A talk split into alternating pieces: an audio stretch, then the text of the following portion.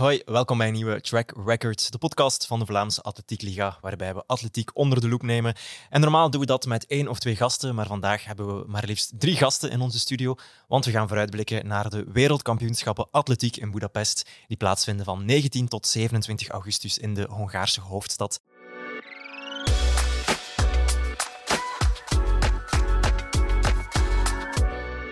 Ja, we hebben drie gasten bij ons. Eentje daarvan is, het zijn alle drie wel bekende namen, maar de ene is topsportcoördinator bij de Vlaamse Atletiekliga. En het is zijn derde WK Outdoor. Nu moet ik even kijken of die knikt. Derde, ja, ja, ja. Derde, dan heb je meteen ook al die stem herkend. Rutger Smit, welkom.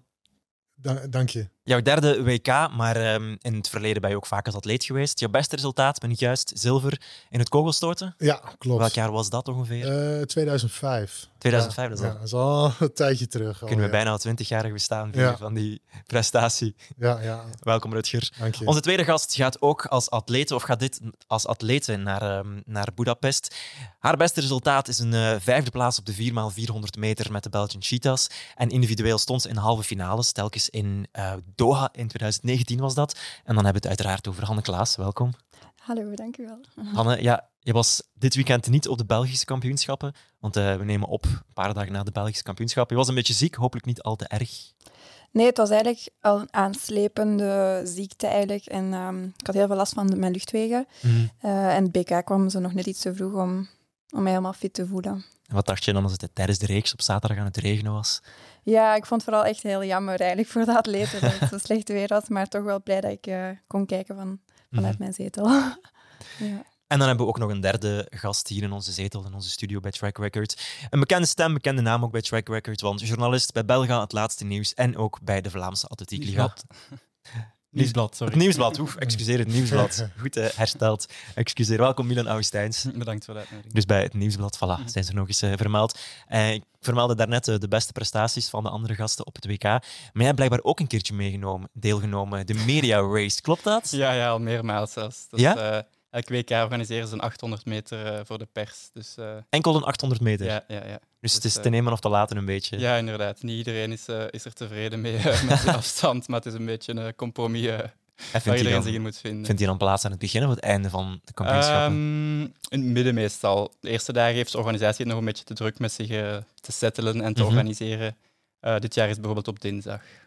En doe je terug mee? Dat is de bedoeling, ja. Als ik niet te moe ben van eh, de eerste dagen, want het is ook wel hard werken. Zijn er bepaalde doelstellingen gezet? Nee, nee. De finish eh halen zal goed zijn. Finish. En wat is het beste resultaat? Van mezelf? Ja, ja, tijdens de Ehm, media race. Ik dacht dat ik eens net in de top 10 was, maar dat doet wel meestal 60 man mee of zo. Oké. Dus, eh, Oké, Ja. dat is, zijn zo topsporthal Gent eh, fenomenen met zoveel reeksen dan. ja, Zo voelt het een beetje aan. Precies eh, een PK of zo. Het PK voor de pers. Ja. In een groter stadion weliswaar. ja, dat wel. Het is wel eens cool om, om op Mhm. die grote pistes te kunnen lopen. Vorig jaar in Eugene bijvoorbeeld. Ja, oké, kan ik me voorstellen. Is er dan ook publiek aanwezig? Nee, wel de andere pers die niet meedoet, want er zijn in totaal wel 800 journalisten. Dus Mhm. die komen dan wel supporteren, maar het is niet dat het stadion eh, helemaal vol zit eh, voor ons. Kijk, bij deze, de selectie die meegaat naar Budapest is op de hoogte. Hanne Rutger, jullie kunnen gaan supporteren de, Ja. de dinsdag. de dinsdag. Maar voor we misschien vooruitblikken naar die selectie en naar het WK, Rutger, misschien even terugblikken op het eh, BK. De Allianz Belgium Championships vonden afgelopen weekend plaats in, eh, in Brugge. Welke prestaties zijn jou daar een beetje bijgebleven? Oei, ja. ehm, het, het is natuurlijk ten eerste jammer dat het een beetje in duigen viel met betrekking tot Mhm. eh, weersomstandigheden. En vooral, eh, vooral die zondag eh, natuurlijk. Ja, op het einde harde wind, hevige regen. neerval. Ja, ja dat, is, dat is wel heel, erg, heel erg zonde. Ik denk op zaterdag, eh, de vijf kilometer was sterk. Ehm, ja, en dan toch ook een paar mooie races gezien eh, op, eh, op zondag. Mhm. Eh 800 en 1500, eh, een mooie strijd. Misschien niet de tijden waarop ze hadden gehoopt. Maar ja, nogmaals, met die harde wind was dat misschien ook niet... op, op dat moment, op de dag zelf, misschien niet het, hè, belangrijkste meer. Ehm, dus eh, ja, over het algemeen, ja, niet echt een prestatie die er bo- echt bovenuit sprong.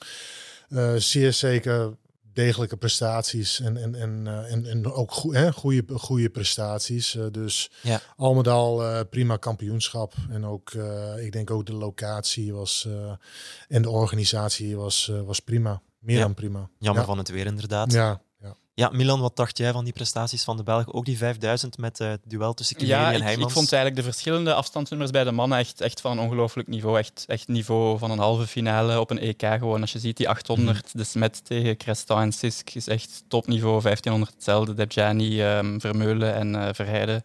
En die 5000, uh, Heijmans, uh, Kimeli en Hendricks was echt... Ja, en okay, de tijden zijn dan misschien niet super, maar het was wel een ongelooflijke strijd. Echt op een, ja, want John Heijmans was op zich niet tevreden met die tijd. Kan je hem daar dan gelijk in geven? Ja, die, die hoopte natuurlijk, uh, aangezien er ook een haast was en zo, mm -hmm. um, om echt een, een toptijd te gaan neerzetten. Maar de weersomstandigheden lieten dat gewoon niet toe, want aan de overkant was het gewoon echt uh, drie, vier meter tegenwind mm -hmm. per seconde. Dus zo kun je geen, uh, geen 5000 meter in, in 13-10 gaan lopen. In de beste tijden gaan lopen. Ja, je zei ook daarnet ook die 800 meter. Was Pieter Sisk misschien een beetje de verrassing? We verwachten daar misschien Noreel van de Putten op die derde plaats, of toch wel op het podium. En Sisk die dan de 1500 laat vallen voor de 800. Ja, ja Sisk had uh, vorige week in Ninoven al 1,45 gelopen. Dus, dus ik had die eigenlijk wel uh, minstens als derde verwacht. Maar dat hij dan nog tweede wordt, is, is inderdaad wel, uh, wel een beetje een verrassing. Maar ik vond ook, want we zeggen de tijden vielen tegen, maar ik vond eigenlijk op de 400 zowel Helena Ponet als Alexander Doom Um, zeker gezien de weersomstandigheden, eigenlijk echt nog, uh, nog harde tijden lopen. Ja, Doom loopt de 45 in de gietende regen. Dat is, ja. Uh, ja, Anne, wat denk je daar dan van als je dat ziet? Ja, ik vond dat ook wel echt uh, um, een heel mooie prestatie. Zeker in die regen en de wind op dat moment weet ik niet, maar ik vond wel echt een heel mooie tijd in die weersomstandigheden. Ja. Zijn er prestaties die jou uh, opgevallen zijn? Heb je het een beetje gevolgd, het BK eigenlijk? Natuurlijk, natuurlijk. Ja. um, ja, ik volg dan vooral eigenlijk ja, de cheetahs en, mm -hmm. uh, en 400 horden uh, bij de mannen en de vrouwen. En um, ja, allee, ik vond het leuk voor Nina dat ze gewonnen had op haar verjaardag. Een goede tijd mm -hmm. zat er wel niet in met, met dat weer. Um, en dan natuurlijk Helena en Naomi.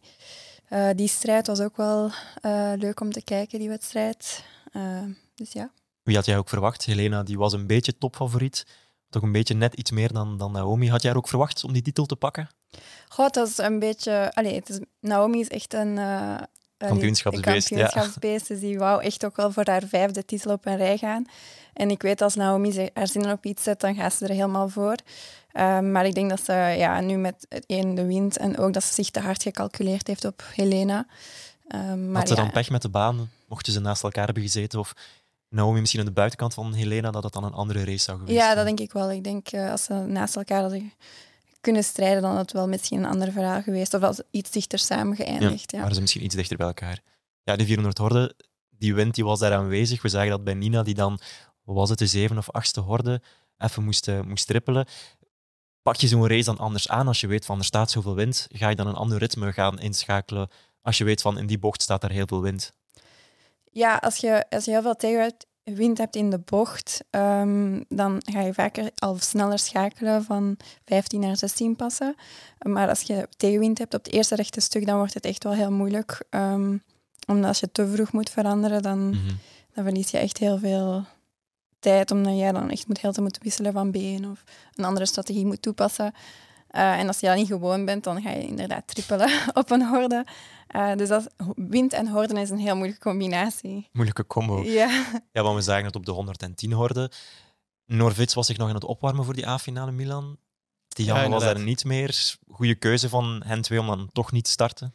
Ja, ik snap, ik snap, zeker dat ze geen risico's nemen. Nafi had meteen gezegd van uh, ik loop niet. Noor heeft echt wel inderdaad nog die opwarming gedaan. Tien minuten voor de start zat hij daar nog uh, startjes te doen. Maar mm -hmm. ik sprak haar dan even nadien en ze zei van ja, mijn benen werden gewoon echt niet warm en, en ik had geen zin om hier uh, in de gietende regen risico's te gaan nemen op drie weken voor het mm -hmm. WK. En dat kan ik wel begrijpen. Ja, zeker ook bij die, bij die 200. Ik weet niet of je het gezien had, Rutger, die, die finish van Casmi en Snieders, die letterlijk over de grond slierden. Ja dat is, is het dan wel aangewezen om in zo'n weersomstandigheden dan, dan toch die finale te laten plaatsvinden.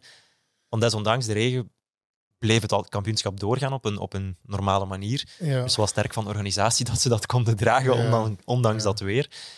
Ja, die 200 die zijn natuurlijk ook de laatste disciplines mm -hmm. op het programma. Ja, dan, dan willen ze dat uh, natuurlijk uh, toch, uh, toch afwerken. Ja. Atleten toch de kans geven. En er werd ook geen ophouden van de regenval voorspeld. Nee, dus het was misschien een beetje... Nee, nee als het nu tien minuten later droog zou zijn, konden ze even wachten. Maar dat zat er niet meteen nee, aan te komen. Want, uh... Was je dan verbaasd van die 200 meter daar? Oulare klopt Imke. En wat Trein die moet ook tevreden zijn met een derde plaats, dacht ik. Ja, ja. Waren dan misschien toch wat de verrassingen op de sprintnummers dan? Goh ja, Julien is geen specialist van de 200, dus dat hij maar derde was, verraste mij niet. Nee, nee. Ehm, Ja, en Imke, ja, ja, Imke had geen superdag, denk ik. Ik heb haar niet gesproken achteraf, dus ik weet Mhm. niet hoe ze zich voelden of zo, maar die leek geen, eh, Nee. geen topdag te hebben. En dat is ook weer die, die weersomstandigheden. Eén die pakt het, eh, die gaat er wat beter mee om dan de ander. Dus ja, het is gewoon heel lastig. Het is gewoon heel erg jammer dat het letterlijk en figuurlijk in het water is Mhm. gevallen. Dus eh, ja, eh, ik, ik, ik, ik zou het geen verrassingen noemen. Nee. Ja, de wind heeft wel voor één heel leuke verrassing toch een beetje gezorgd. Ik zie Milan al klikken, knikken. Ik denk, je weet waar ik het over heb. Ja, dat vind ik kans. hè. Inderdaad, ja. Wat dacht je van als je die tijd zag? Ja, mega sterk. Amai, dat is echt ja, sneller als Kim Gewaert. hè. En Mm. Kim Gewaert is voor alle sprinters een groot voorbeeld, groot idool. Het record om te kloppen. Dus, eh, maar ja, natuurlijk jammer van de wind. Ja, Belgisch Ehm, record staat op 11.04 ja. en Kansa liep 11.03 met Wel heel 5,1 veel meewind. 5,1, 5,2. Ja. Ja. 5,2 zelfs meter Ja. eh, per seconde meewind. Mhm. Ik denk dat iedereen het in het stadion wel een beetje dacht van, dit kan toch niet? Dit is, dit is niet correct. Hoeveel wind is daar gerekend? Ja, er, is heel, er was heel veel wind gerekend. Dus, eh, maar ehm, ja, 11.03, ze heeft het wel gelopen. Mhm. Dus het is zeker wel mogelijk om het ooit met legale wind te doen, denk ik. Mhm. Super maximaal, maar eh, ze heeft het in de benen. Dus ja. Zit daar ook geen risico als je met zoveel meewind gaat lopen voor Ja. een sprinter? Ja, en vooral op een harde baan, want het is al een extreem harde baan, Brugge. Eh, die wordt binnenkort eh, wordt eh, de piste ook vernieuwd, maar het Mhm. is ja, het is een knetterharde harde piste. Eh, er zit wel een beetje een risico, eh, risico aan en vooral met zoveel wind, maar eh, ze hield het vol en eh, het, is, het is een mooie tijd. En, en nogmaals, ik denk als je zulke tijden eh, ja, dan met te veel eh, ehm, wind loopt, dan in de toekomst zal het zeer, zeer zeker mogelijk moeten zijn om dat ook met luchtgehalen wind eh, te lopen. Ja. Dat is iets om naar uit te kijken dan. Misschien tot daar het Belgisch kampioenschap, of tenzij iemand nog een bepaalde prestatie wil aanhalen. We hebben het vooral over de loopnummers gehad. Misschien eh, een kampnummer dat er toch wel bovenuit stak. Ik denk misschien aan mijn broeders die daar een eh, knappe prestatie heeft geleverd. En broeders en Lien, Eline Vekemans ook, Eline ja. Veke- Vekemans, Timothy Herman weer over de 80 en Ja, ook moeilijke in de, stromende omstandigheden. regen, in de stromende regen één worp 80, dus dat was ook, eh, dat was ook knap. Ja, ik sprak zijn trainer achteraf en die zei ook van ja, stop maar. Is binnen, het is oké. Ja, We gaan hier ja. geen risico's nemen. De verstandigste keuze wellicht. Absoluut, absoluut. Dus, eh, en eh Filip Milanov, sorry, eh Filip Milanov ook nog een degen, een, een goede, goede 64 afstand, opnieuw. 64 meter. Dus dat waren wel goede, goede prestaties op de kampnummers. Mhm. Ja. Misschien jullie in Boomco een beetje teleurstellend, geen nieuw Belgisch record. Of verwachten we dan misschien net iets te veel van de atleten om keer op keer dat dan records te verbeteren? Ja, je kunt zeker niet elke week een Belgisch record gooien. Dat zou een beetje te veel gevraagd zijn. Maar ik denk wel dat we... Enfin, ze gaat ons niet kwalijk nemen als we, als we zeggen dat, dat zij en, en dat wij ook van haar misschien op iets meer gehoopt hadden. Mhm. Ik weet wel niet of de, of de cirkel nat lag en zo. Ik weet niet of Rutger bij het kogelstoot in de buurt stond. Nou. Maar eh, alleszins, ja, Mhm. dus, eh, ze had wel op meer gehoopt, denk ik. Ja, Is het er hele outdoor seizoen denk ik. Hè. Dus kijk, indoor was eh, fantastisch. 1787 uit mijn hoofd. eh, dat ze indoor stoten. En dan ja, outdoor toch een beetje eh, op meer, meer gehoopt. Ze zelf ook, eh, denk ik. Eh, ja, ik denk als ze iets verder had, had gestoten, had ze ook kans eh, nog gemaakt op, eh, op het WK. Eh, Mhm. Ja, dat is nu eh, helaas eh, ja, niet, niet, meer het, eh, niet meer het geval. Ja, want dan zijn we bij die WK-selectie. Jullie Boomco heeft het niet gered. Een heel pak andere Belgen hebben het wel gered. Ofwel met de rechtstreeks limiet, zoals Hanne bijvoorbeeld.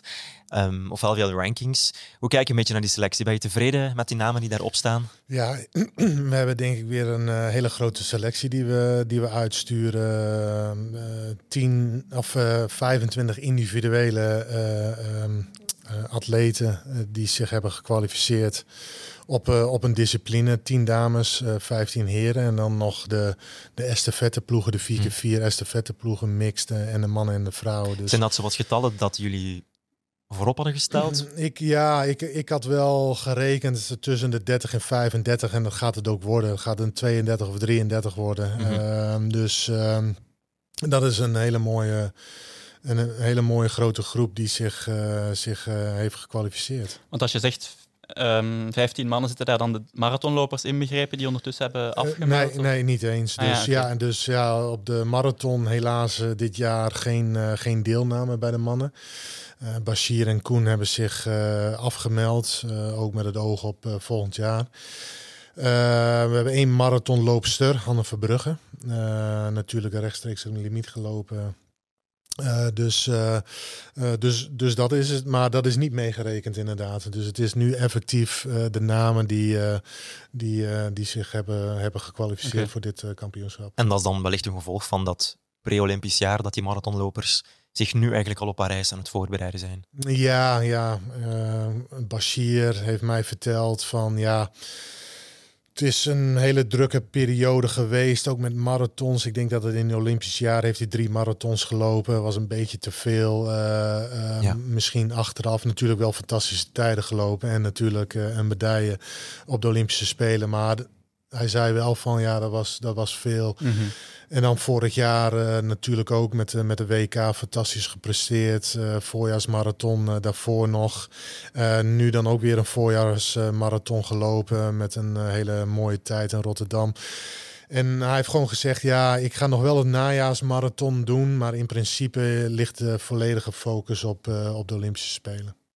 En als we naar die selectie kijken, de, ja, de medaillekansen liggen opnieuw bij die zevenkamp met Noor en Nafi en dan wellicht ook bij de aflossingsploegen.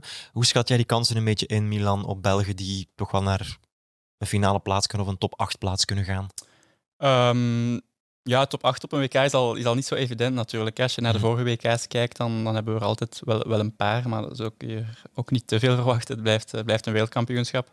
Ehm eerste namen die mij opkomen, behalve degene die je net genoemd hebt, zijn ehm Ben Broders, Thomas Carmois. Eh, die lijken me wel top 8 waard. Eh, kijk eens naar Rutger, wie ben ik hier nog aan het vergeten? Ehm, Cynthia Bolingo in een Cynthia, superdag. ja, Eh, ja. Ja, dan moeten we misschien kijken En naar... Hanne, ja, ik, ik wou zeggen 54. eh, dan eh, als je dat in de halve finale loopt, dan, eh, dan heb je grote kans om eh, door te gaan naar de finale, lijkt mij. Ja, ik denk dat het inderdaad op het juiste moment Ja, mijn, mijn nationaal record opnieuw lopen of in de buurt komen. Dan denk ik dat een finale er wel in zit. Maar ja, het is echt, ja, dat moet echt eh, op het juiste moment allemaal in zijn plooi vallen terug. Ja. Want ga je naar daar eh, specifiek geconcentreerd op die, op die tijd? Of denk je van, het gaat echt wel om de plaats en om proberen die finale plaats binnen te halen? Of heb je iets van, ik probeer een tijd te lopen en dan zien we wel waar we gaan uitkomen? Eh, ja, ik, allee, ik focus me eigenlijk gewoon op eh, mijn eigen wedstrijd. En als ik doe wat Mhm. ik moet doen en de horde neem zoals ik ze moet nemen, dan eh, denk ik wel dat er allee, beide een goede tijd in zit. En ja, dat ik kan doorstoten naar de volgende ronde. Ja. Ja, want het Belgisch record, je hebt dat dan op jouw naam gezet in Zwitserland eh, een tijd geleden. Was dat dan de wedstrijd waar alles in zijn plooi viel? Nee, eigenlijk niet. dus dat was... Nog niet eh, alle hordes goed genomen dan? Of... Nee, ik heb twee eigenlijk eh hordes niet zo goed genomen. De eerste, eh, ging, ik, ging helemaal, ik ging helemaal laatst op de eerste horde. En op de zevende horde ben ik ook zo helemaal uit evenwicht gegaan. En ik had ook niet het plan uitgevoerd dat ik eigenlijk wou uitvoeren qua, qua passen en zo. Dus tijdens de wedstrijd dacht ik van, oh, de tijd gaat eigenlijk niet zo goed zijn. En er stond ook heel veel wind. Je hebt vroeger moeten schakelen van wisselen Ja, ik van been? vroeger Of... moeten schakelen en het was niet zo heel warm ook niet. En dus ik dacht van ja, het gaat misschien geen toptijd zijn, maar dan dacht ik, ik ga proberen winnen. En dan kwam ik toe en ik had gewonnen en dat was effectief een heel goede tijd ook. Dus dat was eigenlijk een hele grote verrassing. Voor Ik zat naar de livestream te kijken en jouw reactie eh, toen je de tijd zag was wel... eh, Ja, want wel ik, grappig ik zag de zien, tijd eerst niet eens. En ik ah, waar, waar, waar is dat bord eh, met de tijd? en dan, dan had het gezegd en ik zo, nee, dat kan niet. Ik was echt helemaal verrast. Ja. En denk je dan dat daar dan nog... Of heb je daar dan veel uit geleerd? Want je wedstrijd misschien niet helemaal volgens wedstrijdplan, maar dan kan het wedstrijdplan ook worden bijgeschaafd misschien.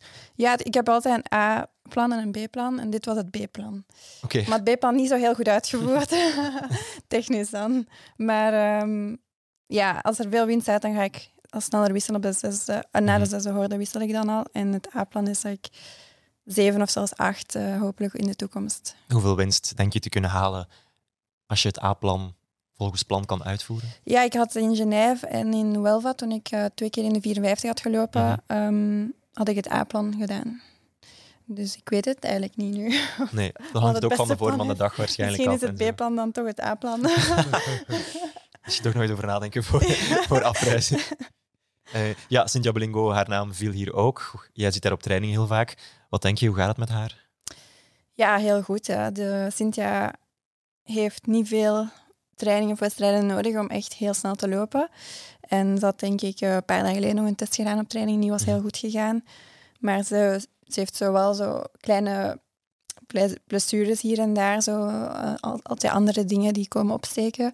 Dus ik denk dat voor haar nu een soort van uh, ja, lichaamsmanagement wordt. Want ze was er ook niet bij op het BK.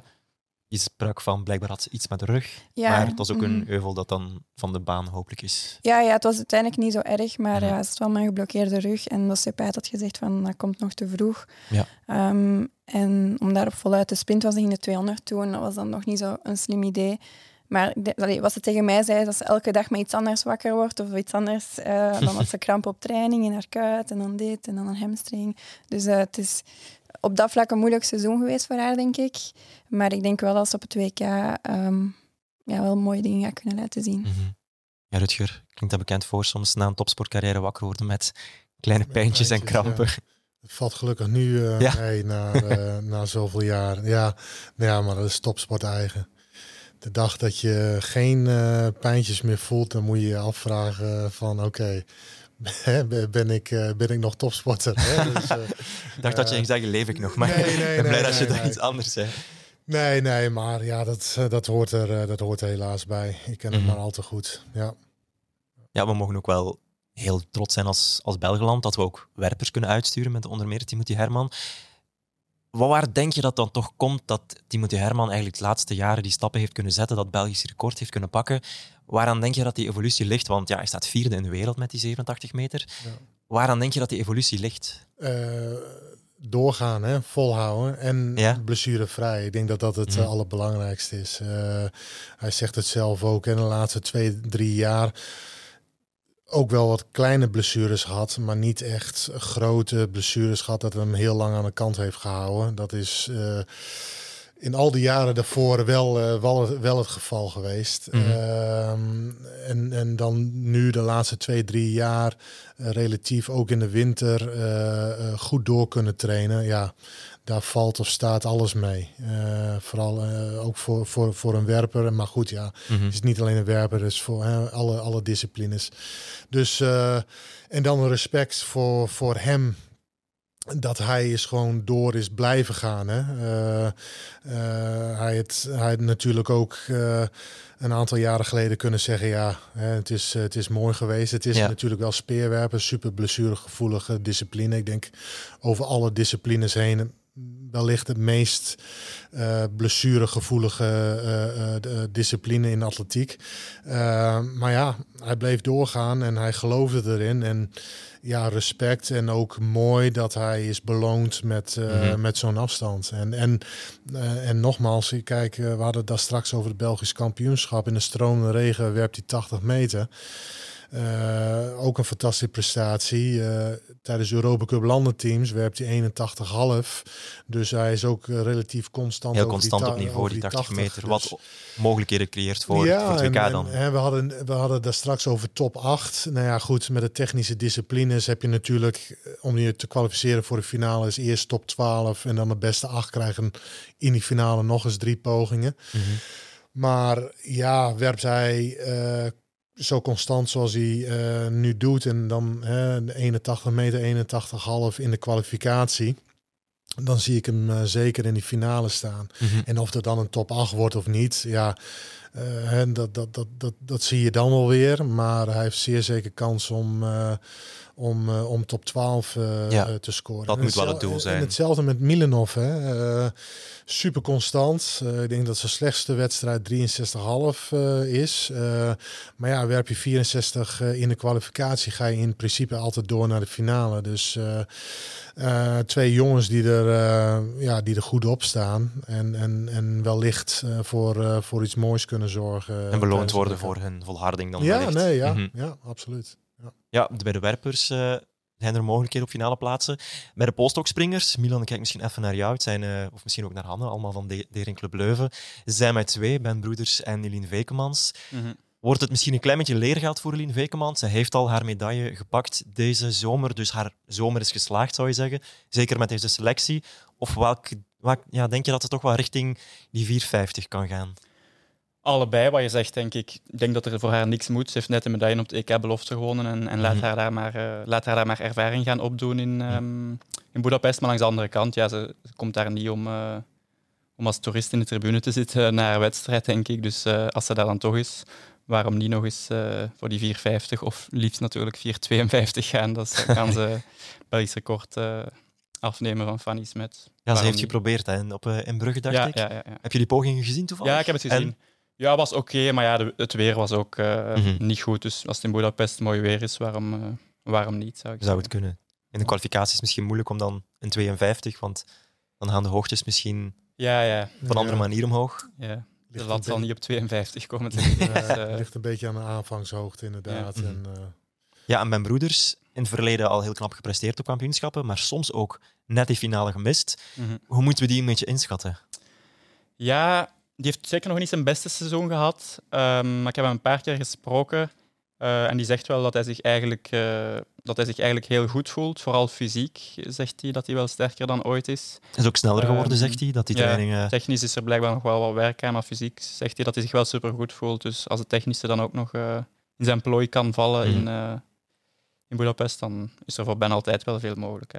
Dan ben ik juist als ik zeg dat het zijn eerste kampioenschap is na de trainerswissel? Of vergeet ik dan een kampioenschap? Indoor, Eh, indoor. Indoor, ja. Istanbul. Ja. Dan zijn we benieuwd wat het auto eh, gaat geven, want zijn treinster was er ook in Brugge, toch? Hè? Ja, ja, dat is allemaal mooi om te zien. Dat Even die, eh, haar naam kwijt. Helena Duplantis, ja. Ja, voilà, daar dat die is hij. speciaal voor hem afkomt, toont ook Mhm. dat ze het serieus menen met hem en dat het niet Ja. gewoon is van... eh, dat, hij, dat ze hem als, hobby erbij nemen bij, Ja. bij, bij Mondo. Krijg je ook Dus, eens mooie bruggen te zien. Kan, kan zij wat gaan toeristen. Ja. Ja, dan moeten we het misschien ook wel even hebben in die selectie over de halve fondnummers. Want ja, het is een speerpuntdiscipline, die halve fondnummers. Is dat dan een beetje het gevolg van die extra inzet op die halve fondnummers, dat we nu toch wel een aantal mannen op die, die fondnummers krijgen, vooral bij de mannen dan toch? We hebben daar twee mannen op de 800 en op de 1500. Het is eh, vo- voornamelijk een talent op, de, op die disciplines. Ja, geweldig eh, natuurlijk. Eh, ik denk dat het de sterkste lichting ooit is op Mhm. eh halffonds, op de 800 en 1500. Eh, we hebben drie eh, jongens die op de 1500 naar het WK gaan. Nu zit eh, de... Een daarvan is, is- en ik zeg met alle respect, respect, dat is een oudere lichting, Ismaël.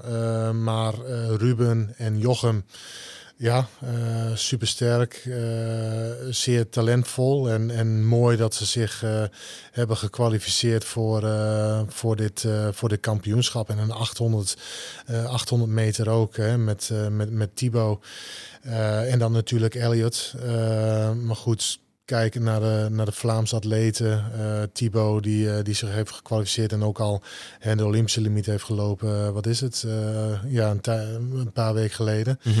Ehm, ja, fantastisch om te zien eh, dat, eh, dat dat niveau eh, hoger en hoger, eh, of dat het lat hoger en hoger wordt gelegd. Ja, maar je zag ook wel dat Christian heel hard gebrand was op die titel, Ja. had ik de indruk. Die Ja, was echt Ja. gebrand om die titel terug te claimen. Ja, Ja, maar Thibaut ook, want ik sprak voor de wedstrijd met Tine Becks, eh, zijn treinster. Mhm. En die zei van, ehm, we hebben getwijfeld om nog mee te doen aan het BK of, of eventueel een 400 te doen, om een beetje de snelheid aan te scherpen, want alle kwalificaties zijn toch al binnen, zelfs die voor de Olympische Spelen. Ja, die moet zich geen maar, zorgen meer zei maken. Tine, ehm, we komen hier om ons zwart beest eens te kloppen.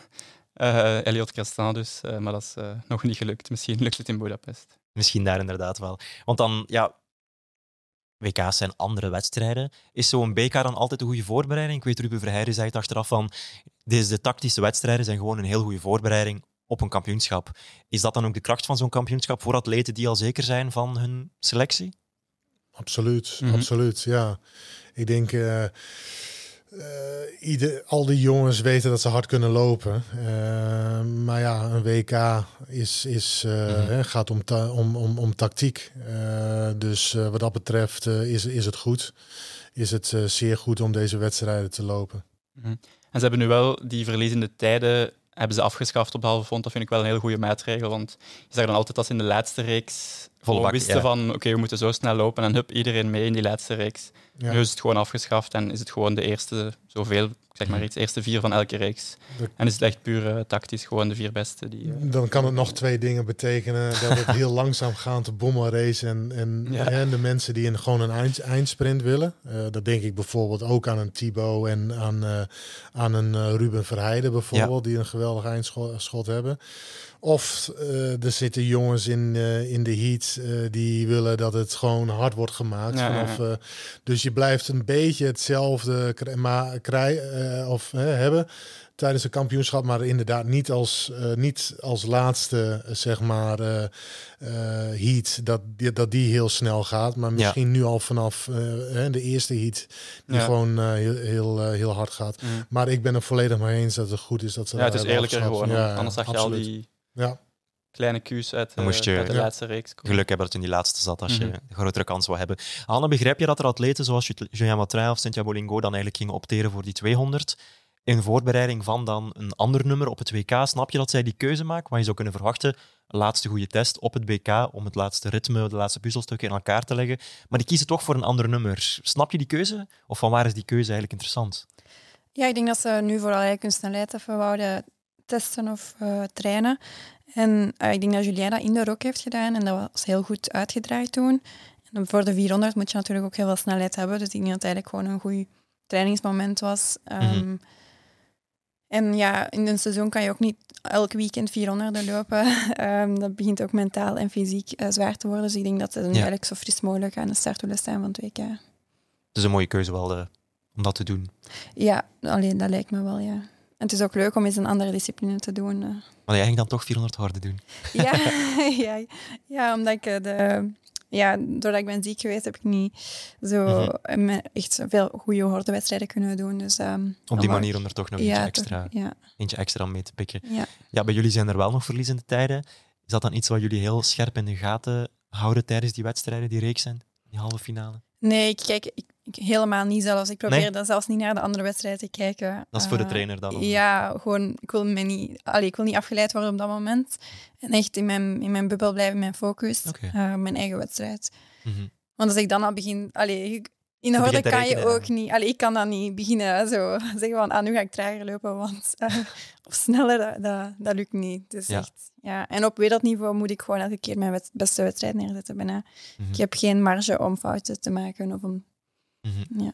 Straks gaan we ook nog verder praten over de aflossingen, want we krijgen drie ploegen aan de start.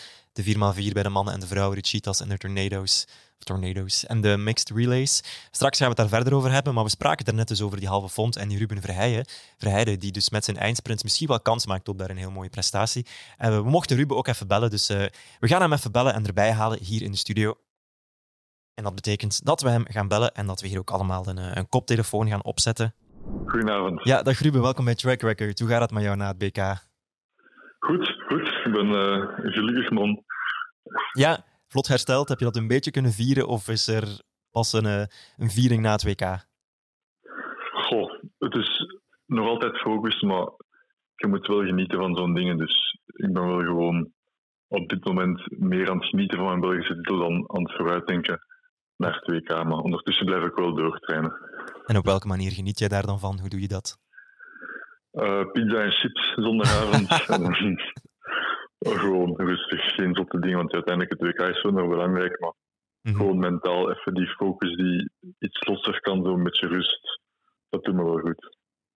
Heb je dat nodig om zo dat even te kunnen loslaten om dan daarna in die bubbel te kruipen? Goh, soms wel, soms niet. En uiteindelijk, nu valt er nog wel mee, omdat als er nog mooie dingen staan te komen, is het iets makkelijker om die focus te behouden.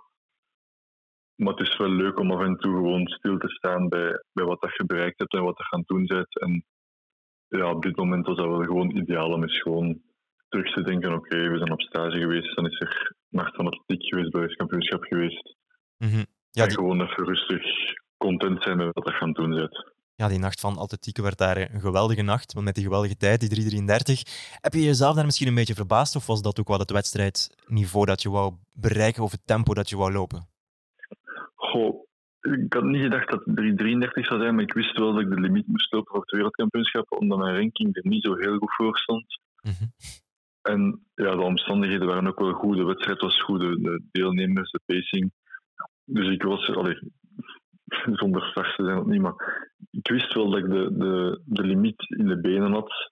En als de omstandigheden meezaten, dat dat zou kunnen lukken. Maar ja, die klok op 3.33 in staan is nog wel nog net iets anders. Dus het blijft wel een beetje een verrassing. Maar ja, om het dan echt niet, bevestigd te krijgen, dat, die tijd. Ja, voilà. Ja, dus er is inderdaad nog iets anders tussen weten dat je het kan en het ook effectief doen. Is mhm. altijd nog net iets leuker. Ik zit hier ook in de studio met drie gasten, Rutger Smit, Milan Augustijns en Hanne Klaas. En er werd hier daarnet gezegd, toen we over die, die 800 meter, of die 1500 meter liever bezig waren op het, uh, op het BK. Ja, het niveau ligt heel hoog. Die tijden die gaan naar beneden. Is dat dan ook het gevolg van ja, jullie die elkaar aan het opjagen zijn in die tijden? Van je weet van in België moet ik sneller om te kunnen winnen. Of is het gewoon het gevolg van, van, van het lange werken? Kijk je niet naar de anderen en ben je alleen met jezelf bezig? Hoe pak je die trainingen een beetje zelf aan en, en die wedstrijden? Goh, ik denk dat dat sowieso meespeelt dat we hier met een aantal mensen op dat niveau zitten in België. Omdat je gewoon, ja, je moet mee. En als, als de anderen hardlopen, moet je zelf ook hardlopen. En als je in een wedstrijd zit waar dat zowel Jochem als Ismail starten, ja, dan kun je niet onderdoen. En als je dan voelt dat je, in dat geval dat met Jochem en ik, die laatste ronde ingaat, dan pusht dat toch net iets meer. En dan ja, is het ook des te leuker als je de limiet met twee loopt. Dan kun je die vreugde een beetje delen aan de aankomst. In plaats van dat je daar dan ergens in een buitenlandse wedstrijd alleen je limiet loopt en dan daar alleen aan de aankomst content bent. En dan nu met twee. Dus het is sowieso leuker dat we met verschillende Belgen zijn die het goed doen en dat je dat allemaal samen een beetje kunt beleven.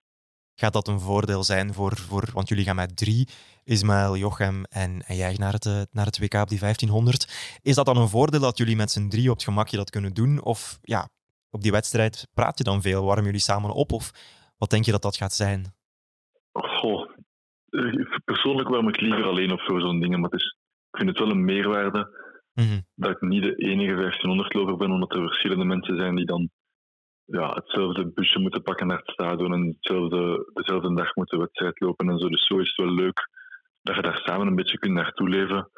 Dan een keer die opwarming begint, zo'n uur voor de wedstrijd, doet iedereen wel gewoon zijn ding. Maar dan na de wedstrijd kun je terug samen een beetje nakaarten en samen ja. toeleven naar de volgende ronde, eventueel.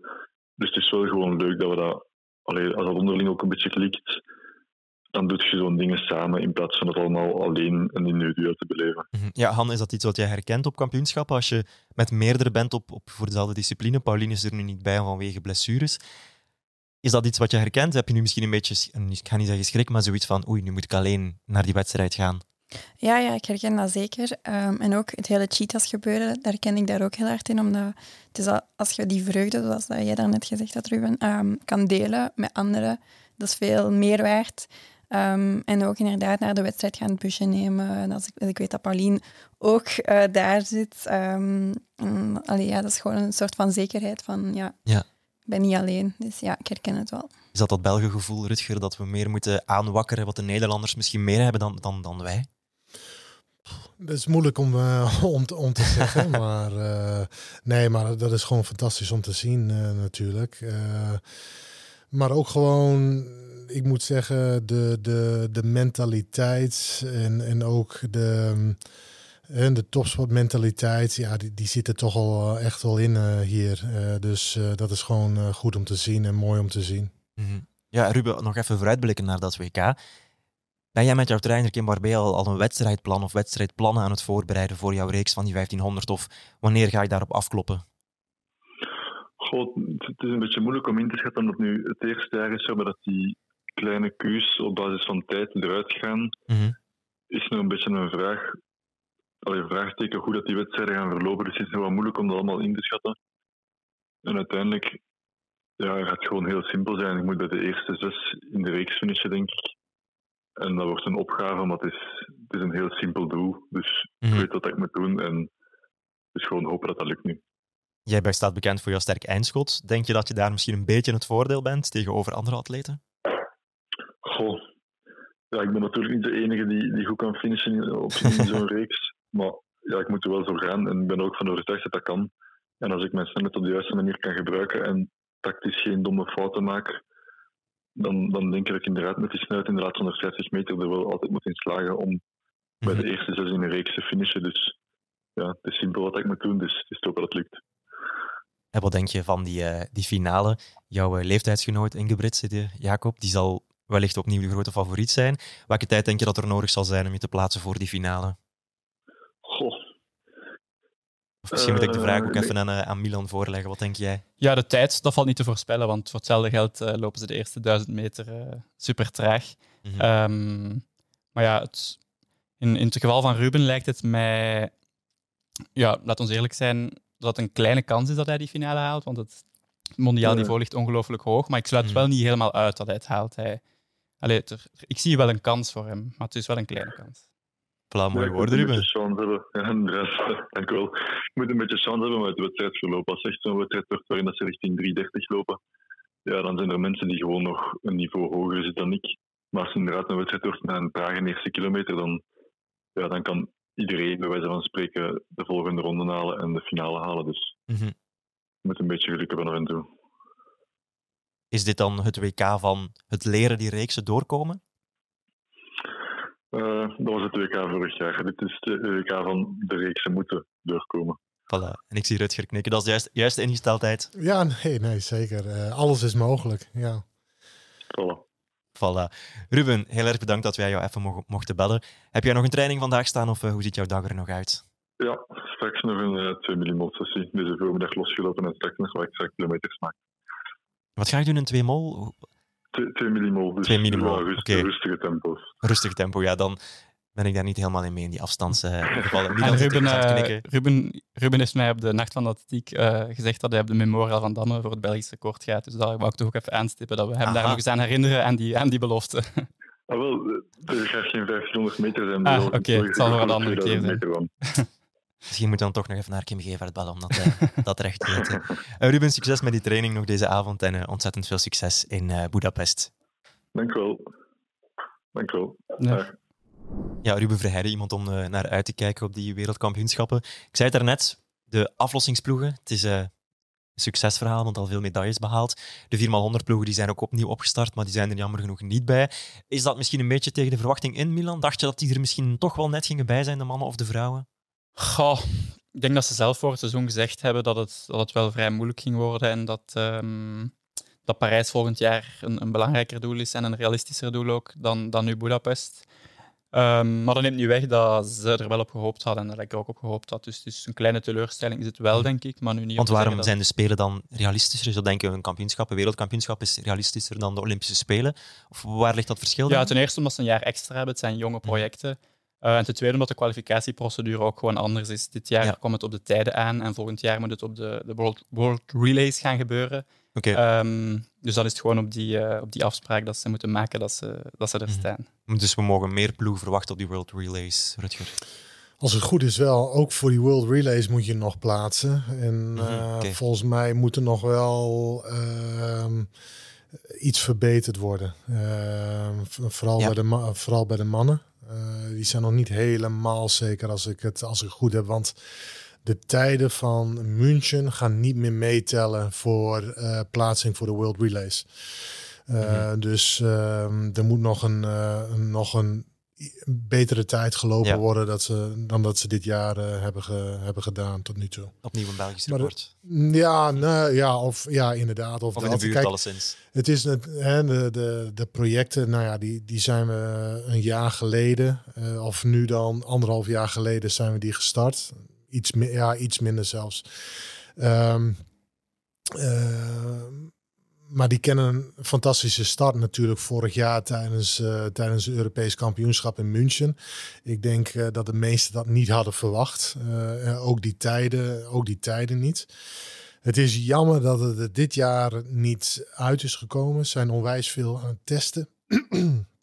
Ehm, maar ehm, ze zijn individueel sneller geworden, allemaal, ten opzichte van vorig jaar. Maar ja, het is nog net niet, die wissels zijn nog net allemaal niet eh, eh, vlekkeloos verlopen. Of in ieder geval tijdens de wedstrijden die ze hebben Ja. gelopen, waren niet alle drie de wissels eh, vlekkeloos. Dus eh, ja, op voorhand zou het moeilijk worden voor, eh, voor het WK.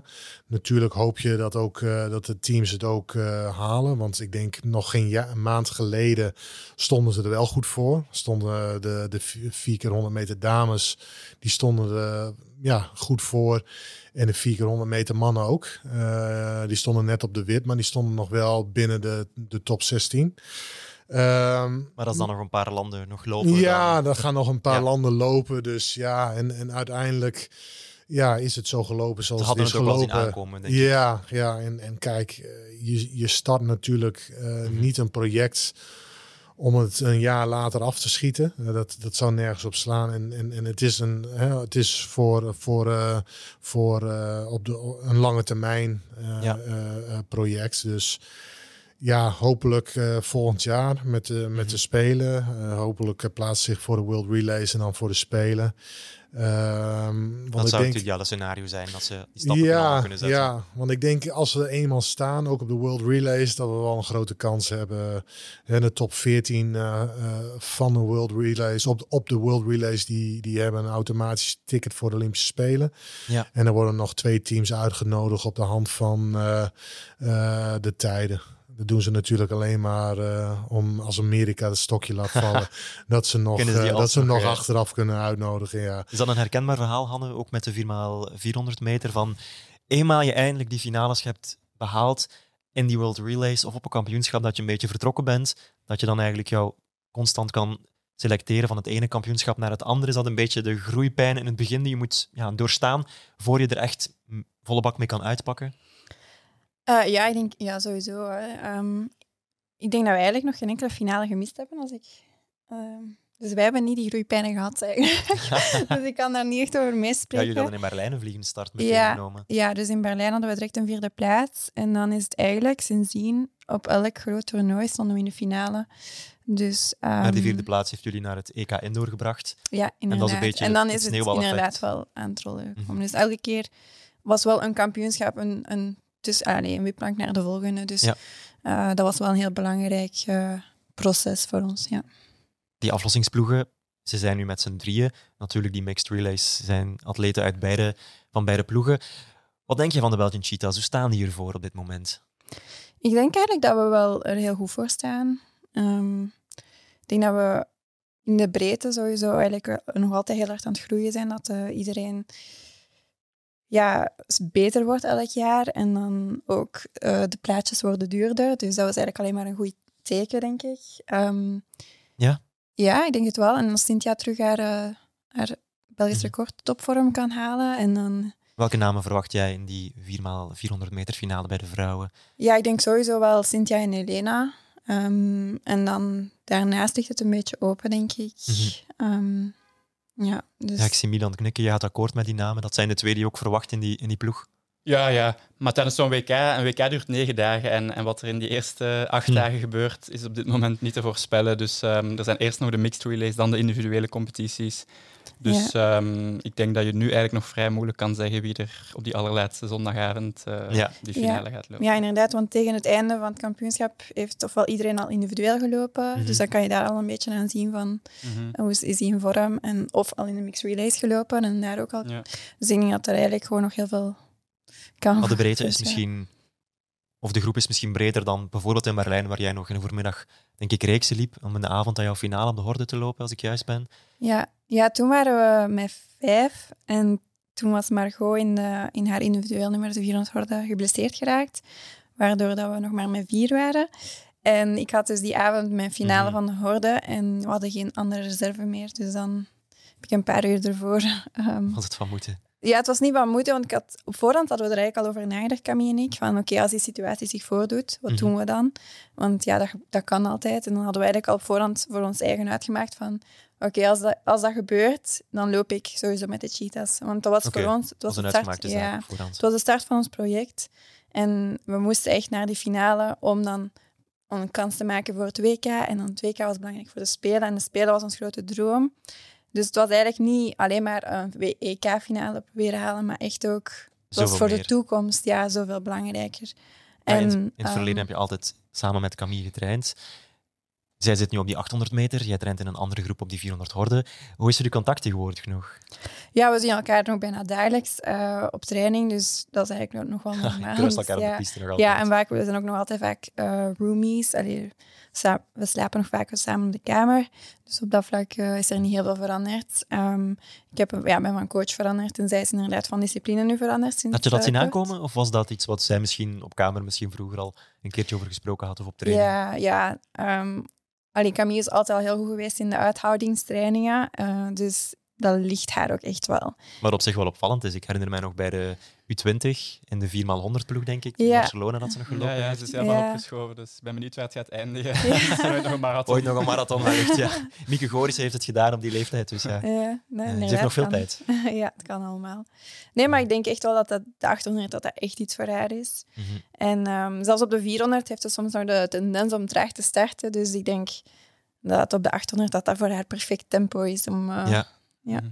Ze heeft al nog een individuele 400 gelopen om ook die tijd neer te zetten voor de 4x400. Mm -hmm. Dat blijft ook nog een van haar prioriteiten? Of hoe kijkt ze daar zelf een beetje naar? Ja, ja dat is zeker nog een prioriteit voor haar.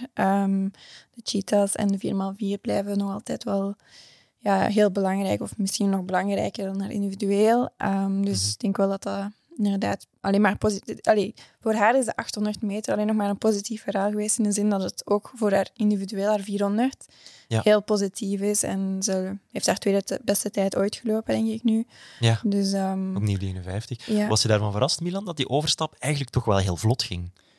Ja, ik moet zeggen, ik, ik zag het wel in haar. Dus in, in die zin ben ik niet helemaal verrast. Maar het, het feit dat ze nu al twee keer, denk ik, 2-0-1 gelopen heeft, vind ik, vind ik wel echt sterk. Mm -hmm. um, en haar, haar, eindschot is ook supergoed. Ik denk dat ze gewoon in de komende ja, jaren richting Spelen of, of jaren richting verder kampioenschappen gewoon haar, haar basisniveau nog wat moet opkrikken. Maar als zij en het niveau heeft om onder de twee minuten te lopen en dan haar eindschot waar ze voor bekend staat, dan kan ja. ze wel echt. Uh, Die basis ontbreekt ze nu misschien nog een beetje. Moet ze nog wat opbouwen, echt dat volume.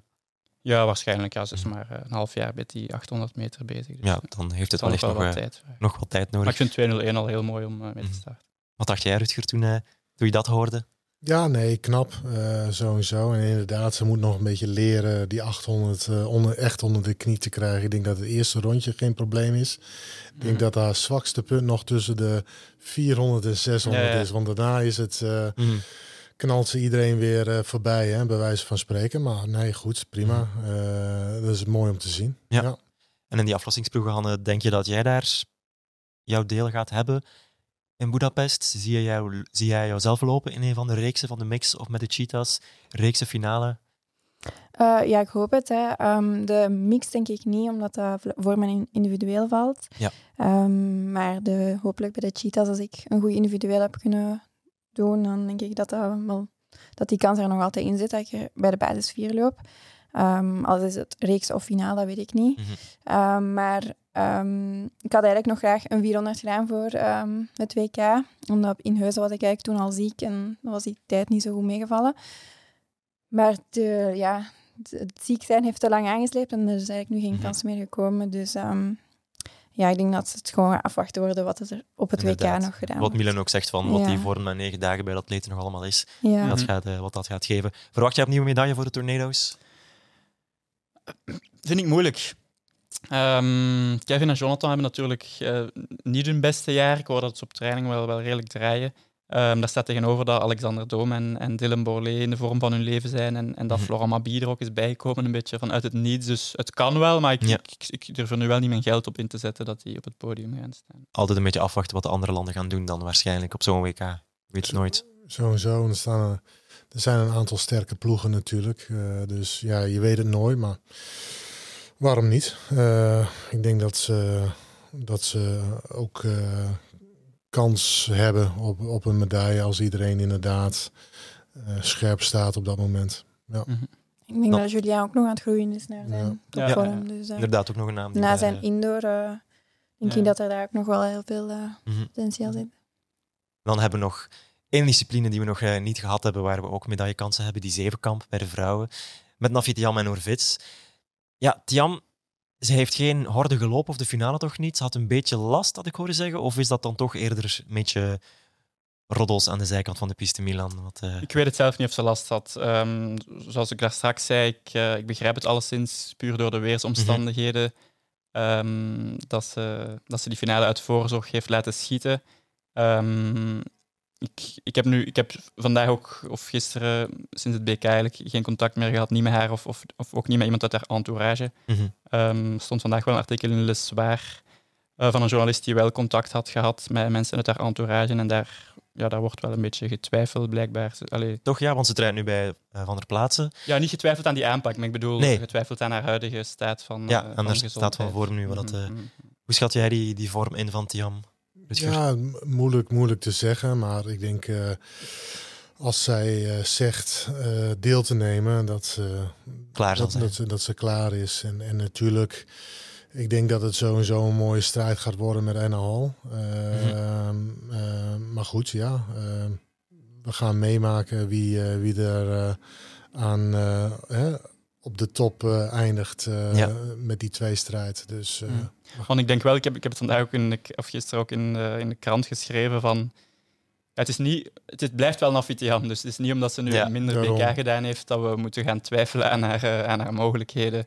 Um, daar heb ik niet zoveel twijfels bij. Nee. Als ze start, dan is ze altijd een van de favorieten of de favoriet. Ja. Mm -hmm. Blijft altijd een nummer om naar uit te kijken. Die oh, zevenkamp. Ja. Zeker. Ja, zeker met de twee Belgen. Hè. Noor is toch ook niet. Uh, ja, want niet op welk nummer moet Noor dan toch nog net iets sterker worden om echt richting dat podium te gaan, om die grote outdoor kampioenschappen? Goh, ik kan er nu niet zo direct één nummer opplakken. Speer, Uh, dan ja, moet, speer moet nog een, Speer iets verbeterd worden. En over het algemeen ietsjes voor, ik denk, nou ja, goed, haar horde is denk ik wel heel erg goed. Mhm. 200 meter ook wel. Kogel kan iets verder. In mijn optiek zou ze altijd rond de 15 meter moeten stoten. Eh, ik weet dat in trainingen ook wel eh, goede stoten tussen zitten, maar Ja. ze zou ehm, eh, ja, toch eh, 14 hoog altijd moeten, moeten kunnen stoten. Ja, op het BK zat ze heel constant, net onder die 14. Ja, ja. Dus het liep niet super. Maar ehm, en dan hoog springen, ja, een paar centimeter hoger. Als ze, als ze haar gemiddelde ietsjes Mhm. kan opschroeven met een paar centimeter. En dan ook, en dan ook ver. eh, en dan, ja. Dan, dan, Die kleine eh, beetjes, die kleine, kleine extra's. beetjes, kleine extra's. Natuurlijk, eh, wat scoorde ze? Wat is haar beste score? 6000, eh, zes, ja, 600, ja, bijna 600 denk ik. Hè? En, en als, je, als je die kleine dingetjes doorrekent, ja, dan, dan ga je zo richting of over de 6700 punten. Dus ja, ehm, zeker naar volgend jaar toe. Ja, ehm, als ze kan verbeteren over de winter, is dat eh, Mhm. wel iets om naar uit te kijken. komen nog kampioenschappen aan de komende jaren waar Ja. we haar eh, ongetwijfeld gaan zien. Ja, we hebben nu al veel over de Belgen gesproken. Wat zijn zo wat de grote internationale namen waar, waar jullie misschien naar uitkijken? Hanne, misschien dan ja, toch de strijd bij de vrouwen op die 400 meter horde. Het is misschien een beetje raar om er zelf aan deel te nemen, maar dan ook ja, te zien wie er dan allemaal in die reeks en dan halve finales en wellicht ook finale gaat lopen met Femke Bol en Sydney McLaughlin. Hoe kijk je daarnaar als je die ziet lopen? Op de opwarmingspiste bijvoorbeeld. Ja, ja, ik ben altijd heel hard onder de indruk van wat dat Femke ehm, ja, en Sydney allebei gewoon doen. Dat is echt, ja... Kan, ik heb er wel zo geen woorden voor. Dat is gewoon zo... Maar allee, dat is echt gek Maar gewoon. Sydney doet dit jaar enkel de, de De vlakke 400. 400, dus ja. ik neem wel aan dat Ja. Femke Bol... eh, Maar wat Sydney op de vlakke 400 doet, is ook gewoon Tuurlijk, ja, crazy. ja, ja. Dat is echt... allebei gewoon echt... eh, En begrijp je die keuze dat zij nu een jaartje voor die, die vlakke 400 kiest? Is dat dan misschien een keuze voor mentale verrust? Of van waar zou ze die keuze hebben genomen? Ja, ik had een interview met haar coach gelezen en die zei van ja, ze had even nood aan een, aan een nieuwe uitdaging. Ze heeft Ja. natuurlijk eh, al behoorlijk wat bereikt. Ja, ze heeft 400 alles bereikt wat je kan bereiken op die Dus 400. Ja. eh, Alles gewonnen bijna. Ja, ik denk eigenlijk ook inderdaad een uitdaging als ze echt naar dat wereldrecord wilt, eh, op de 400 ook. Ehm, en Mhm. ja, ik denk dat ze ook wel last heeft van haar knie, dus misschien ook de hoorde dat dan niet zo echt... eh, Die belasting net ja, iets minder. eh. belasting, ja. Welke namen kijk jij nog naar uit, Milan, op eh, goh, deze editie van het WK? veel. Ehm, ik denk um, Kipiegon en, en Sifan Hassan, als die elkaar tegenkomen, is ook altijd eh, geweldig, geweldig vuurwerk.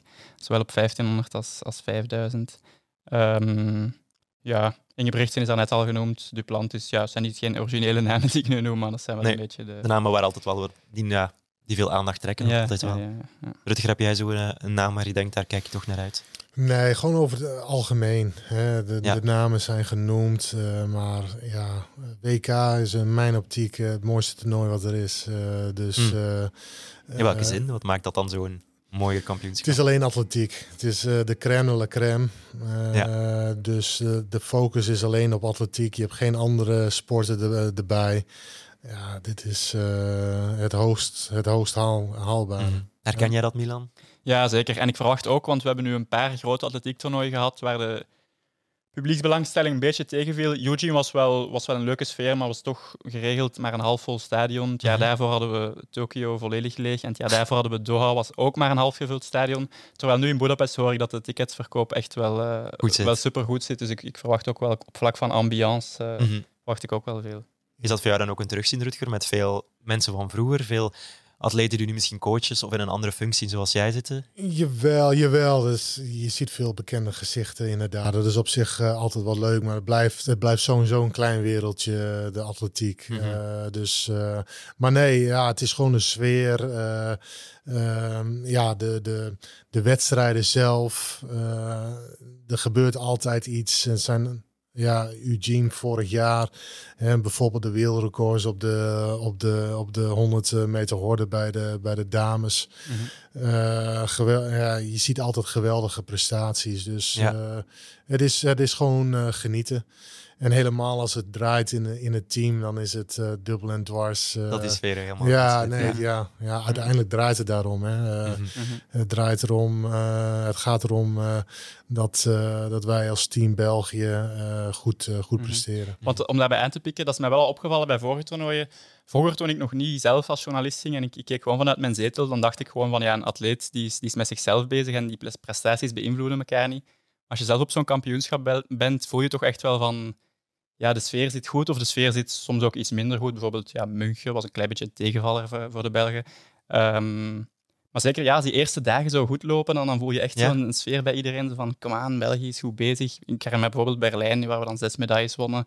Eugene, Mhm. waar we drie medailles wonnen. En, en dat, dat verrast mij dan dat dat toch wel elkaar echt wel aansteekt. Zo. Ja. In Ja. Istanbul, indoor, hè? Istanbul ook, ja. Dat was ook, je, je zag het hè. En, en ik heb dat dan ook meegemaakt. We hadden daar straks over eh, mijn zilveren medaille. Ja, ik wil er niet te lang over uitweiden. Maar eh, toen ik die zilveren medaille won, zei Rens Blom. Die zei toen, ja, dat wil ik ook. En die, en die werd En wereldkampioen. die werd wereldkampioen. Dus je ziet het gewoon in een, in een team van als, als, als je goed begint het toernooi en er zijn goede prestaties en er hoeft niet per se eh, medaille te zijn, medailles te zijn. Er kunnen ook gewoon top 8 of eh, persoonlijke records of wat dan ook eh, zijn. Dan, dan, dan, dan begint het te leven in, eh, in, in zo'n team en dan zegt iedereen ja, dat wil ik ook. Misschien niet hardop, maar Ja. wel denken van ja, dat wil ik ook. Dus, Extra eh, ja, ja. En, en wat Milan daar straks zei, ik denk dat als je kijkt naar de afgelopen toernooien, Istanbul, Eugene vorig jaar, ehm, eh, indoor, eh, wat was het? Eh, Belgrado. Belgrado. ehm, ehm, en dan in Tokio ook, de Olympische Spelen. Ja, er waren allemaal fantastische toernooien waar heel goed werd gepresteerd. En eigenlijk niet veel teleurstellende prestaties waren te, te noteren. Dus wat dat betreft, ja, ja, als je gewoon, als je gewoon eh, op die positieve vibe. ja, positieve wel, eh, vibe, en dan, dan, dan, dan, gaat het wel. En dan komt het wel. Herken Ja. je dat, Hanne? Zoals jullie dan met, zeker met aflossingen op het einde moeten wachten, kan ik me wel voorstellen dat jullie echt te popelen staan als daar misschien al een paar medailles zijn gevallen. Ja, ja, en we zijn ook altijd eh, heel gemotiveerd. En als, we dan, als iedereen het individueel achter de rug heeft, dan zijn we zo extra nog van oké, nu gewoon echt plezier en, en echt voor die finale gaan. En in die finale gewoon, ja, het Mhm. is gewoon een heel andere vibe. En zoals ik ook al, al daarvoor zei, van het samen delen van de prestaties, samen ervaren, alles samen doormaken, dat geeft een heel andere dimensie eraan. Dus dat is, ja, en natuurlijk is dat, wat dat de Belgen ervoor gedaan hebben, heeft natuurlijk ook een grote invloed op onze motivatie. Ja. Ja, we gaan het te weten komen van 19 tot 27 augustus in Budapest. Daarvoor trekken jullie blijkbaar nog naar eh, trainingskamp pre-camp in eh Belek in Turkije. Wanneer vertrekken jullie naar, eh, richting de Turkse zon? 10 augustus. 10 augustus. Hanne, Ja. jij vertrekt dan ook? Ja, 10 augustus, ja. Wat zou was, was zo dan eigenlijk zo de meerwaarde van zo'n pre-camp? Je zei het al, van in die zone geraken? Gewoon in de zone komen. Ja, kijk, die laatste week gaat niemand meer hard, eh, echt hard trainen. Misschien Nee. nog een scher één scherpe training. hè, een paar loopjes, hè, een 200 of een 400 meter loper. Die doet nog eh, misschien één, één scherpe training. Hetzelfde voor halfond fond. eh, eh, in de technische disciplines misschien nog één, eh, één training waar, ze, Ja. waar je een keer voluit gaat. Maar voor de rest is het gewoon fine-tunen en gewoon rusten. Uit de dagelijkse sleur zijn. Eh, Mhm. Dus eh, niemand die aan je kop kan zeuren, bij wijze van spreken. Eh, en, en, en gewoon in de zone komen. Ja, toeleven naar het toernooi. En dan eh, vanuit daar eh, naar Woedapest twee dagen voor de start van het toernooi. En dan eh, Mhm. Wat gaat er eh. Voor jou op het programma nog in uh, Belek, Hanne? Exact eigenlijk alles wat Rutger gezegd heeft. Ja. Ehm, nee, ik ga heel blij zijn dat ik kan vertrekken. Want nu bijvoorbeeld deze laatste week voordat we vertrekken, heb ik nog, moest ik naar de osteopaat en dat is een uur rijden en naar de kine. En eh, al helemaal zo nog allemaal afspraken voordat ik vertrek. En je zit heel tijd gewoon onderweg of naar training mee onderweg. En, En daar is alles voor ja, en, aanwezig. eh, en ook gewoon ja, eten maken en dit. Ja, en dan dat nog valt ook, ook weg, ja. ja. Mhm. Dus dat is gewoon even helemaal zo tot rust komen en helemaal in uw... Wil ik ook wel mee op trainingskamp, denk ik. ik ben welkom. Geen Ben. eten maken. Helemaal, ja, echt in die bubbel, Daar in die nog mensen focus nodig komen. ja, dus kijk Ja, er wel in die- naar uit. In die ja. bubbel geraken om je Mhm. helemaal voor te bereiden op dat, eh, Ja. dat WK dus, eh, in Budapest dat eh, over eh, ja, enkele dagen gaat, gaat starten. Misschien voor ik jullie nog laat gaan, wil ik nog een heel kort testje doen.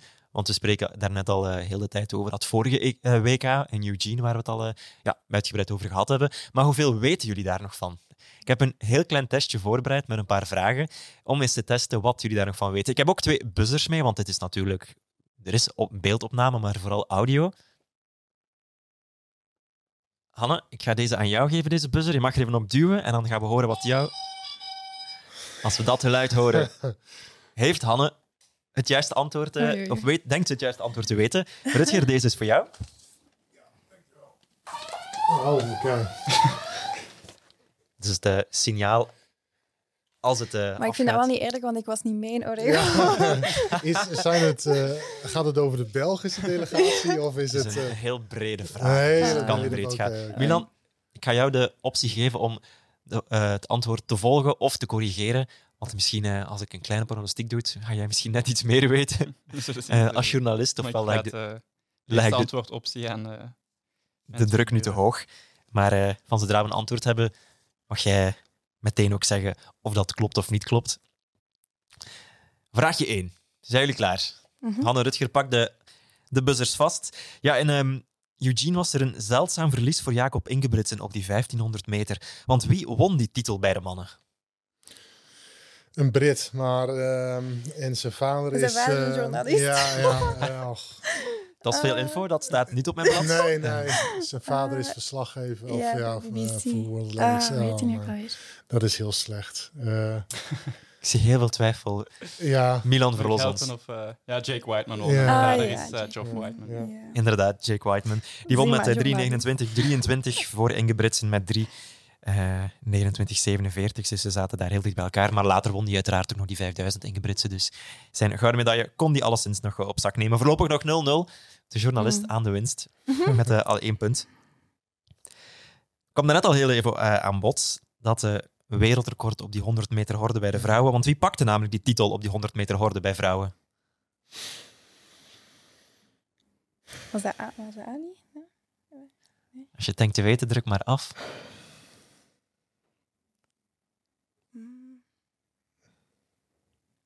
Ik kom niet op een naam. Het is de druk. De druk. De druk. Ik ben sowieso al niet goed met namen, dus dan... Er komen ook nog andere vragen waarbij het geen naam Ah is. ja, jij weet, jij weet eigenlijk alles. Jij Ja. Toby Amuzan. Ja, Ah, ja. en ze is onlangs ook in het nieuws geweest. Drie Ja, gemiste controles. gemist en Ja. geschorst.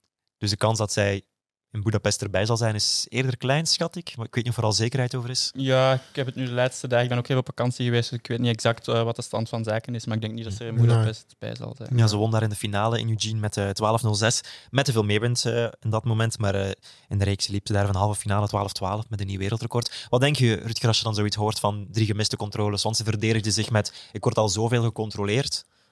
Ja, ja. Maar ja, ja het, het, het bijhouden van, van je whereabouts hoort, hoort er nu bij. Hè. De- dat is nu. Het kwam een beetje opzet in mijn tijd nog. eh, ik denk eh, nu 20 jaar geleden eh, is het. hè, moet, moet je je whereabouts bijhouden. En ja, je wordt vaak gecontroleerd. Nu moet ik wel heel eerlijk zeggen, het is. Het is een systeem waar ik nog niet 100% achter sta. Kijk, ik vind het fantastisch dat er eh, wordt gecontroleerd. Uit ervaring, ik heb eh, drie meda- internationale medailles op Ja. de post gekregen, eh, via de post thuis gekregen. Je hebt er drie Omdat, op de hals gekregen en drie via de post. Ja, ja, ja vier en drie. Vier en drie, drie op, ja, maar ja, dat is, dat, is, dat is niet leuk, laat ik het zo zeggen. Mhm. Ehm, het is alleen wel, eh, en ik heb het zelf ook meegemaakt en ik maak het nu ook mee met, met atleten, onze, ik zeg het even, onze atleten, hè, de, Mhm. de Belgische atleten, dat al gebeurt er iets kleins en, en eh, bijvoorbeeld morgenochtend eh, moet er getraind worden en ehm, ja, je voelt je niet 100%. Ehm, en je zegt, eh, en je belt je trainer op, zegt, nou, die, die, die beslist van, oké, ja, laat die training maar, laat die training maar zitten. Als je op dat moment het vergeet, het whereabouts Ja. systeem, eh, zeg maar, te corrigeren. En eh, ze staan daar en je bent er niet, ja, dan Mhm. krijg je een kruisje. Ehm, En zo kan het dus snel gaan. misschien. ja, en zo, en, zo- en zo kan het, kan het snel gaan. En het is, als het overal ter wereld precies hetzelfde is, dan, dan is het oké.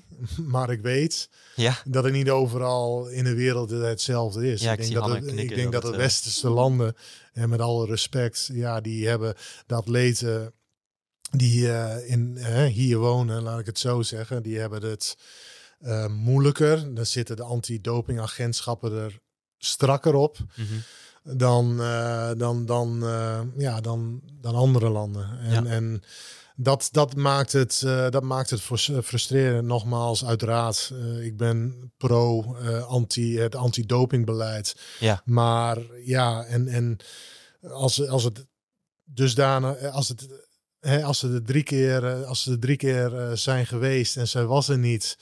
Eh, en, en, en ze komt alleen maar met, ja, ik word al zo vaak gecontroleerd en niet met, maar ik was er, ik heb Met excuses. dan, ja, met, ja, ja, dan, ja. Dan, dan, dan is het, dan is het, eh, dan een is het terecht. sanctie misschien. Ja, ja, ja.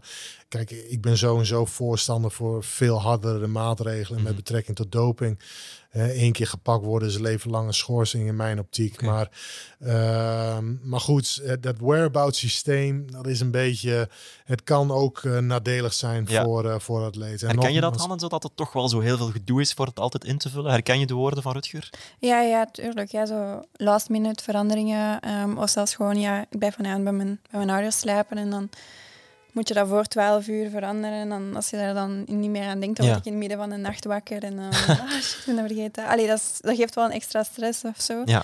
Ehm, en ook, ja, wat Rutger ook zegt, dat het niet voor iedereen hetzelfde is. Het is niet dat elke atleet op, op een jaar tien keer getest wordt ehm, of zo. Dat er niet één... Allee, er zijn atleten die echt veel meer getest worden, anderen die veel, veel minder gecontroleerd. Eh, ja, Mhm. ik weet ook niet inderdaad niet. Want Ja. ze zegt, ja, ik word al zoveel gecontroleerd. Ja, als ze 50 keer gecontroleerd is en ze heeft er drie gemist, terwijl iemand anders maar twee keer gecontroleerd is. Allee, snap je? Dat is zo moeilijk ook om... Dat zal in die zaak besproken worden, waarschijnlijk, Ja. over wat de sanctie dan, eh, Ja. dan zal zijn. Maar ja, dus eh, nog afwachten of Toby Amoussan eh, er zal bij zijn. Gaan we verder als er maar twee vragen worden. Ja, Lang ja. over, over twee vragen gedaan. Pak de buzzers er opnieuw bij. Want Cindy McLaughlin, wereldkampioen op die 400 horde bij de vrouwen, dat is een weggever. Maar welke tijd klopte McLaughlin? Het wereldrecord. Ah, Vijf- 50, eh, 89? Ik denk 91, maar... 91. Durf het niet zeggen. hoger, lager. Durf het niet zeggen. In een tijd van 50, 68. Oh, Oké. 60. Dat is het wereldrecord. Tenzij ik nu heel foute informatie heb opgezocht. Het is toch in de buurt. Ja. Ja, jullie zaten inderdaad in de buurt. Laten we dat... eh, Voorlopig nog, eh, nog geen punten gescoord. De vragen we- zijn te moeilijk. Eh, maar je hebt een excuus, jij was er niet. Dus Ja. jij- bij jou is het... Ehm, volgende vraag. Misschien dat deze wel... Dit moet toch eh, hopelijk een puntje kunnen opleveren. Want de Belgian Tornado's die pakten een bronzen medaille op die 4x400 meter. Maar weten jullie welke tornado's en in welke volgorde, volgorde, volgorde die liepen? Die volgorde kwam er even moeilijk uit. Maar in welke volgorde liepen de Belgian Tornado's in Eugene naar die bronzen medaille? Er wordt heel hard nagedacht. God. Heel harde ik, denken. Ik weet, ik weet welke vierde liepen, maar de volgorde. ehm, het waren ja, Julien, Dylan, eh, Kevin en ehm, Alexander. Ah. Was het Alexander 1, denk ik? Dat zijn ze inderdaad alle vier. Ehm, of was het Julien 1? Eh, Julien 1, Alexander 2. Wat? Kevin als laatste, dat is, dat is een makkelijke. Die kunnen we inderdaad al vastleggen. ja. Kevin als laatste. hebben ze één keer veranderd, niet? Ja, in, in München heeft Dylan als Ja. laatste Ja. gelopen. Eh, in Eugene was Kevin. Daarvoor- Kevin en eh, daarvoor was het... eh, ik denk dat Alexander... Nee, Dylan was 2, denk ik. Nee, Dylan was 1. Dylan was één. dan. We zijn er aan het komen. We zijn er aan was het komen. 1, We hebben al- Alexander. Julien was 2, Alexander Alexander. en Kevin. Ja. Voilà. Ja. Daar een punt eh, voor onze topsportcoördinator. Voilà, daar hebben we al meteen een punt. Ben ik aan het denken, ja, wat een, makkelijke vraag. Eh, al drie vragen te gaan, misschien nog, eh, nog, eh, nog twee vraagjes. Op de marathon pakte Bashir Abdi een bronzen medaille. Maar hoeveel seconden moest hij toegeven op de eerste? Laten we zeggen dat u er toch wel 10 seconden naast mag zitten. Hoeveel seconden zat hij naast de eerste? Dat was eh, Tola. En misschien kan ik ook meegeven dat hij over zijn marathon 2 uur 5 minuten en 36 seconden heeft gedaan. Hoe ver zat Bashir Abdi achter op de eerste? Ehm, ik denk ongeveer een halve minuut. Ik denk dat hij 206 laag liep. Ehm, ja, dus ik zei eh, 30 seconden ongeveer. Hanna, Ik wat ging, denk ook, je? ik ging ook 206 zeggen, maar ja, Hoger of lager dan die eh, halve minuut? lager. Lager, Milan, wat denk jij? Ik dacht ook aan een halve minuut, dus ik, eh, ik weet niet of het hoger of lager moet gaan. Het komt neer op... eh, Abdi liep dat in 2.06.48. Ah ja, Dus dat is vrij hoog. Er zitten toch Ja. Oké, ja. iets, meer, iets boven de minuut, hè, 72 seconden om, eh, om exact te zijn. En eh, misschien een vraagje voor de, voor de werper, om dan misschien af te sluiten. Want wie pakte het goud en het kogelstoten bij de mannen in Eugene? Ja, eh, Krauser. Cruiser, inderdaad. Ja, ja. Zijn hoeveelste wereldtitel was het trouwens? Bonusvraag. Eh, bonusvraag, wereldtitel. Hij pakte hem in 2017 niet. 2019 in Doha ook niet. Dat was, eh, dus dat was eh, eh, zijn eerste. Ja, Ja. tweemaal Olympisch kampioen, Ja. maar pas in Eugene Ja. zijn allereerste Ja. Olympische titel. Voilà. Toch iets minder punten gescoord, maar laten we hopen dat we meer medailles gaan scoren in niveau dan, eh, dan punten. En dan neem ik het mee voor de volgende quiz, om het iets makkelijker te doen. eh, iets makkelijker van volgorde. Wat is de hoogte van de horde bijvoorbeeld? Ik dat, Het, is, eh, Dat het zijn soms de, soms de namen, hè? de buitenland, de namen. namen. Ja. Het is wel van, nou ja, de gezichten heb je voor je. maar- Ja. Ik neem, de, ik neem de feedback mee. Ja, ja. Hanne, Milan en Rutger, heel erg bedankt om hier te zijn in de studio van Track Record. Ik wens jullie ontzettend veel succes in Doha, zowel als eh, ja, topsportcoördinator in, eh in Budapest. Voilà, kijk, nu ben ik ik, hoef, ik hoef niet veel te doen. Dus, eh, Nee, dan- de atleten moeten jullie ja, meer ja. succes wensen. Milan, jij bent daar ook aanwezig, ook voor Track Record, want je gaat ook eh, korte podcasts maken met atleten daar. Wat ga je exact doen? Inderdaad. Ehm, we zijn nog een beetje de details aan het regelen. ehm, Mhm. Maar het idee is dat we een beetje ehm, in korte afleveringen van 15 of 20 minuten. ehm, meestal een atleet na zijn wedstrijd. We zullen ook wel eens iemand voor zijn wedstrijd nemen om Ja. voor te beschouwen. Maar een atleet wil natuurlijk vooral rusten voor zijn, de dagen voor zijn, zo, voor zijn wedstrijd. Dus het zal vooral nabeschouwen zijn. Eh, met atleten die, die klaar zijn met hun toernooi. Die dan eens een kwartier of 20 minuten komen uitleggen hoe ze alles eh, beleefd hebben. Yes, dat klinkt, eh, klinkt heel goed. Dus eh, op onze socials kan je Track Record blijven volgen. Dus ook tijdens het BK, of het WK liever, het WK, het BK is net afgelopen, op het WK in Budapest van 19 tot 27 augustus. Met dus ook updates, updates van de atleten van in Track Record met Milan Augustijns. Nogmaals heel erg bedankt, Hanne, Milan en Rutger. En heel erg tot de volgende keer in Track Record.